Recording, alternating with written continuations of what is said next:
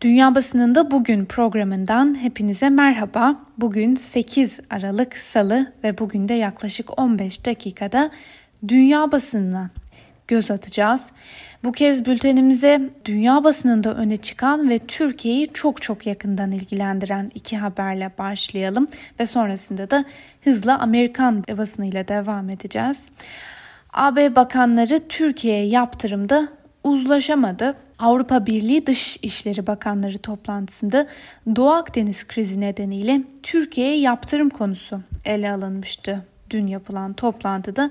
Ancak toplantıda bakanlar arasında uzlaşma sağlanamadığı için yaptırım kararı 10-11 Aralık'ta yapılacak liderler zirvesine bırakıldı. Alman basınından Deutsche Welle ise bu konuda aktardığı haberi şu sözlerle e, yazmış. AB Dışişleri Bakanları Türkiye'nin Doğu Akdeniz'deki tutumunda iyileşme yerine kötüleşme olduğu görüşünde mutabık kaldı. Olası yaptırımlar için kararı liderlere bıraktı. Avrupa Birliği Dış İlişkiler ve Güvenlik Politikası Yüksek Temsilcisi Joseph Borrell ise yapılan toplantı sonrasında Türkiye'nin tutumunda iyileşme olmadığını, bazı konularda ise tam tersine kötüleşmeden söz edilebileceğini söyledi ve bunun üzerine gözler Perşembe günü başlayacak olan ve iki gün sürmesi planlanan AB Liderler Zirvesi'ne çevrildi. Doğu Akdeniz'deki gerilimin beklenen şekilde düşürülememiş olması nedeniyle son günlerde Türkiye'ye yaptırım uygulanması çağrılırdı. Artıyor ancak nihai karar AB liderleri tarafından verilecek. Europe Observer AB Türkiye'ye yönelik yaptırımları savunuyor diye yazarken Reuters haber ajansı Avrupa Birliği Türkiye'ye yaptırım tehdidini değerlendirecek diye yazmış.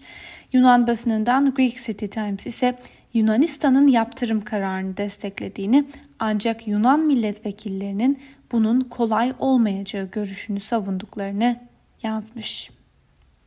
Reuters'ın e, önemli bir haberiyle devam edelim. Libya'nın Mısrata kentine gitmek üzere hareket halinde olan bir Türk gemisi talimatlara uymadığı iddiasıyla 9'u Türk 17 mürettebatı ile Halife Hafter güçleri tarafından e, alıkondu.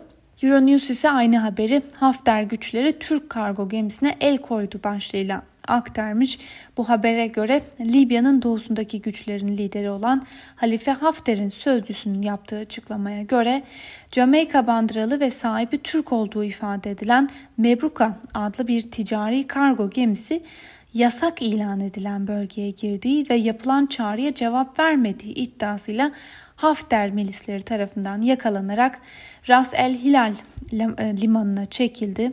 Hafter'in sözcüsü aynı zamanda Türkiye'yi Birleşmiş Milletler tarafından tanınan Trablus merkezli Libya Ulusal Mutabakat Hükümeti'ne silah ve savaşçı tedarik etmeye e, devam etmekle suçluyor.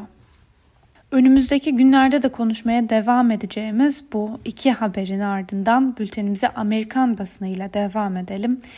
Ee, ve Amerikan basınından da bugün hem New York Times'ın hem de Washington Post'un gündemine oturan bir haberle başlayalım. Joe Biden'ın eski general Lloyd Austin'i Savunma Bakanlığı'na aday göstereceği belirtildi.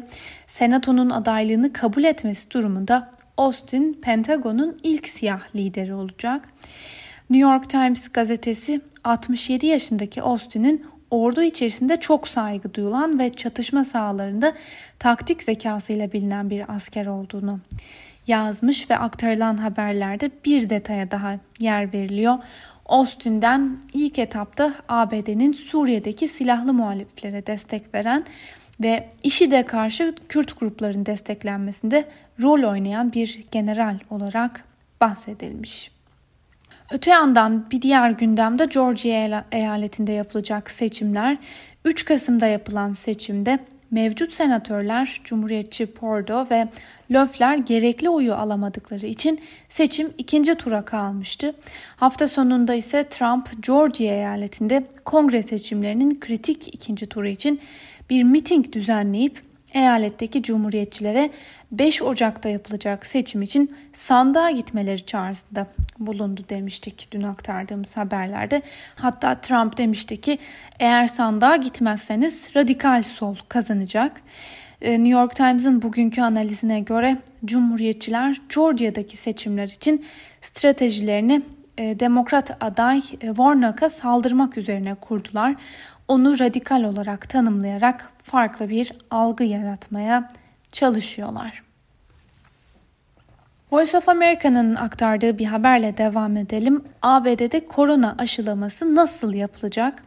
ABD'de gözler 10-17 Aralık'ta ABD Gıda ve İlaç Dairesi'nin yapacağı toplantılara çevrilmiş durumda. Toplantılar sonucu aşılar onaylanırsa aşılamalar da başlayabilecek. Peki süreç nasıl işleyecek? Aşının herkese ulaşmasının aylar alacak olması kaçınılmaz ve süreç içinde bazı iniş çıkışların yaşanması da olası. Aşı ilk aşamada sınırlı dozda tedarik edileceğinden ABD Hastalık Kontrol ve Önleme Merkezlerinin aldığı karar uyarınca sağlık çalışanları ve bakım evleri sakinleri ilk aşılanacak olanlar arasında yetkililer ilk öncelik grubunda yer alan 20 milyon kişinin yıl sonuna kadar aşılanmış olabileceğini belirtiyorlar ve aşının ücretsiz olması bekleniyor. New York Times'ın aşılara ilişkin aktardığı bir haberine göre de Trump yönetimi Pfizer şirketine ait aşılardan daha fazla dozda alma şansını es geçti. Şirket onay sürecinden önce yönetime daha yüksek dozda milyonlarca aşı temin etmeyi önerdi. Ancak hükümet bu teklifi reddetti. Bu arada aşı gündemiyle ilgili iki kısa da e, habere daha yer verilmiş. Birazdan İngiliz basına göz atarken yine değineceğiz. Ancak New York Times özetle bugün itibariyle İngiltere'de toplu aşılama operasyonunun başlatılacağını hatırlatmış ve önümüzdeki birkaç aylık süreçte İngiltere'nin milyonlarca insanı aşılamakta başarılı olup olmayacağını sorguluyor.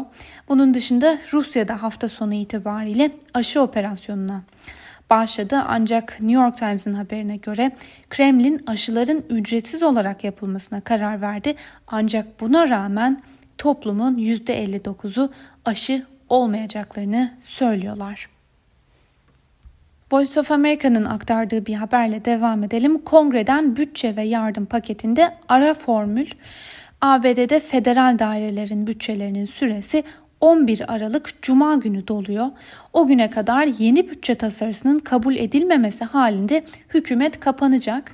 ABD Temsilciler Meclisi'nin ekonomik yardım paketi konusunda görüşmelere zaman kazandırmak amacıyla bir haftalık geçici bir bütçe tasarısını çarşamba günü yani yarın oylaması bekleniyor. Ancak müzakerelerde henüz anlaşmaya varılmadığı için kongre ara formül için harekete geçmek zorunda kaldı. ABD Ticaret Odası kongreye gönderdiği bilgi notunda ekonomik yardım paketinin devreye girmemesi halinde çift dipli bir resesyon riskini de beraberinde getirebileceği ve bu durumda küçük işletmelerin kalıcı bir şekilde kapanarak milyonlarca kişinin işsiz kalabileceği uyarısında bulundu. Amerikan basınının ardından İngiltere'nin bir numaralı gündemiyle devam edelim. İngiltere Pfizer ve BioNTech tarafından geliştirilen aşıyı geçtiğimiz hafta içerisinde onaylamıştı ve bugün itibariyle İngiltere'de ilk grupların aşılanmasına başlanıyor. İlk etapta 80 yaş üzerindekilere ve bazı sağlık çalışanlarına aşı yapılması ve aşılamanın önceden belirlenen yaklaşık 70 hastanede gerçekleştirilmesi öngörülüyor. BBC'nin haberine göre İngiltere hükümeti kısıtlamaların büyük bir bölümünün kaldırılarak hayatın normale dönmesinin Nisan ayını bulabileceği uyarısında yapıyor. Ayrıca aşının dağıtım ve taşınma süreci de oldukça zorlu. Bu aşının eksi 70 derecelik bir konteynerde tutulması gerekiyor. Dolayısıyla birçok aksaklığın yaşanması da muhtemel ancak İngiliz The Guardian ise süreci sonun başlangıcı olarak tanımlıyor. Dün de aktardığımız haberlerde Avrupa Birliği ile İngiltere arasındaki ticaret görüşmeleri sürüyor. Ancak uzlaşmazlıklar devam ediyor demiştik. İngiltere ve Avrupa Birliği'nden müzakereciler Brexit sonrası ticaret anlaşmasına varmada giderilemeyen farklılıkları gidermek için dün son bir girişimde daha bulundu.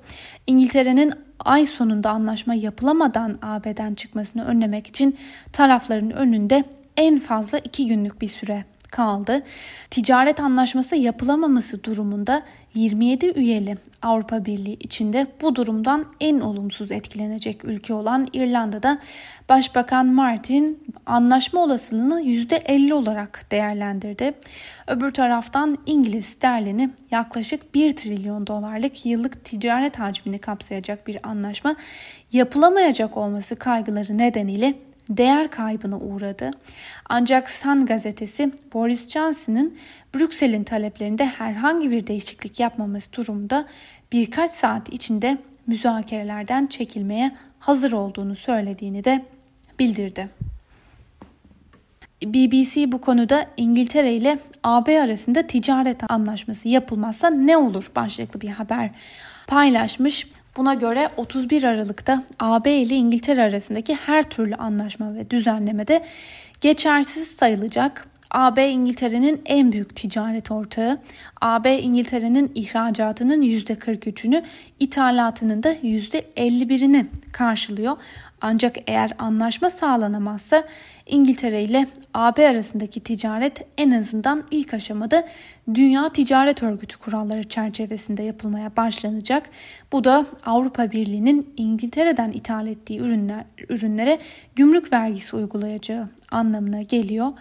Bu durumda İngiltere'nin AB'den satın aldığı malların fiyatlarının da yükselmesi gündeme gelecek. Öbür taraftan İrlanda basınından da Irish Independent ise Brüksel'in dik kafalılığı hepimizin aleyhine yorumunu yapmış ve yorumuna da şöyle devam ediyor. Müzakerelerin başarısızlığı sadece Britanya açısından ciddi sonuçlar doğurmakla kalmayacak. Ticarette yeni engellerin oluşturulması hepimize zarar verecek. Bilinmeyen şey bu zararın boyutları olacaktır. Almanya'nın gündemiyle devam edelim. Almanya'da korona salgınına karşı alınan önlemlere rağmen vaka sayıları bir türlü düşmüyor. Baviera eyaletinde acil durum e, ilan edildi. Almanya'nın yakın tarihinde ilk kez uygulanan sokağa çıkma yasağı ve alınan bir dizi sıkı önlem diğer eyaletlerde de daha sıkı bir kapanmaya gidileceği, Noel için planlanan sosyal teması tedbirlerinin gevşetilmesi kararının geri alınacağı hatta ülke çapında sokağa çıkma yasağı gelebileceği beklentisine de yol açtı. Kısmi kapanma önlemlerini yetersiz bulan Merkel'in bu hafta içinde eyalet başbakanlarıyla olağanüstü bir toplantıda bir araya gelerek mevcut kısıtlamaları sertleştirme kararı alabileceği de tahmin ediliyor. Aynı haber bugün Deutsche Welle'nin de gündeminde. Deutsche Welle Merkel korona önlemlerinin arttırılmasını istiyor diye yazmış. Almanya'da tedbirlerin sıkılaştırılması çağrıları artıyor. Reuters'ın hükümet çevrelerine dayandırarak hazırladığı haberine göre Merkel dün partisinin meclis grup toplantısında umut prensibiyle yol alamıyoruz dedi. Merkel'in toplantıda çok zor bir durumla karşı karşıya kalacağız. Bu önlemlerle kışı geçiremeyiz şeklinde konuştuğu da aktarılmış. Öbür taraftan Almanya'da önlemlerin arttırılması tartışılırken bir yandan da salgına karşı kitlesel aşılamanın hazırlıkları da yapılmaya başlandı. İlk etapta risk grubundaki 1 milyon 800 bin kişinin aşılanması hedefleniyor. Fransa'ya ilişkin iki haberle devam edelim. Fransa'nın eski Cumhurbaşkanı Nicolas Sarkozy yolsuzluk ve nüfuzu kötüye kullanma suçlarından yargılanıyor. Sarkozy dün başlayan duruşmalarda suçlamaları reddetti. Öte yandan Mısır Devlet Başkanı Sisi'yi Paris'te ağırlayan Emmanuel Macron, Mısır'a silah satışını insan hakları koşuluna bağlı kalmayacaklarını söyleyerek silah satışına devam edileceğini açıkladı. Sisi'nin ziyareti öncesi 17 İnsan Hakları Örgütü Macron'a bir mektup yazmıştı. Ancak e, bu mektubun üzerine Macron cephesinden gelen bu açıklamanın tepki çektiği belirtiliyor. Romanya Başbakanı Ludovic Orban lideri olduğu Liberal Parti'nin pazar günü yapılan seçimleri kaybetmesinin ardından istifa ettiğini açıkladı. Hiçbir partinin mutlak çoğunluğu sağlayamaması nedeniyle ülkede koalisyon hükümetinin kurulması bekleniyor. Liberal Parti'nin küçük partilerle koalisyon kurması durumunda iktidarda kalabileceğine dikkat çekiliyor. Orban'ın parti lideri olarak koalisyon görüşmelerine katılması da bekleniyor. Ve son olarak Rus basınına da göz atalım. Rus basınından Moscow Times'ın gündeminde bir kez daha hafta sonu başlayan kitlesel aşı operasyonu var. New York Times'ın da bir yorumunu aktarmıştık bu konudaki. Onu tekrar hatırlatalım. Kremlin aşıların ücretsiz olarak yapılmasına karar verdi. Ancak buna rağmen insanlardaki şüpheler nedeniyle toplumun %59'u bu aşıyı olmayacaklarını söylüyor.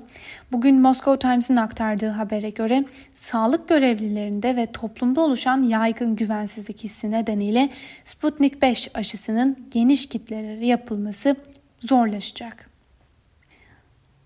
Rus basınında dikkat çeken bir diğer haberde Putin'in eski damadı ile ilgili Moscow Times'ın iStories'in yaptığı geniş kapsamlı bir araştırmaya dayandırdığı habere göre Putin'in kızından yaklaşık 2 yıl önce boşanan eski damadının Rus petrokimya devi Sibur'un 380 milyon dolar değerindeki hisselerini 100 dolara satın aldığı ortaya çıktı. Muhalif lider Alexei Navalny ise 100 dolarlık hisse satışını Putin'in damadına verdiği 380 milyon dolarlık bir düğün hediyesi olarak nitelendirdi. Sevgili Özgürüz Radyo dinleyicileri, Moscow Times'tan aktardığımız bu haberle birlikte bugünkü programımızın da sonuna geldik. Yarın aynı saatte tekrar görüşmek dileğiyle Özgürüz Radyo'dan ayrılmayın. Hoşçakalın.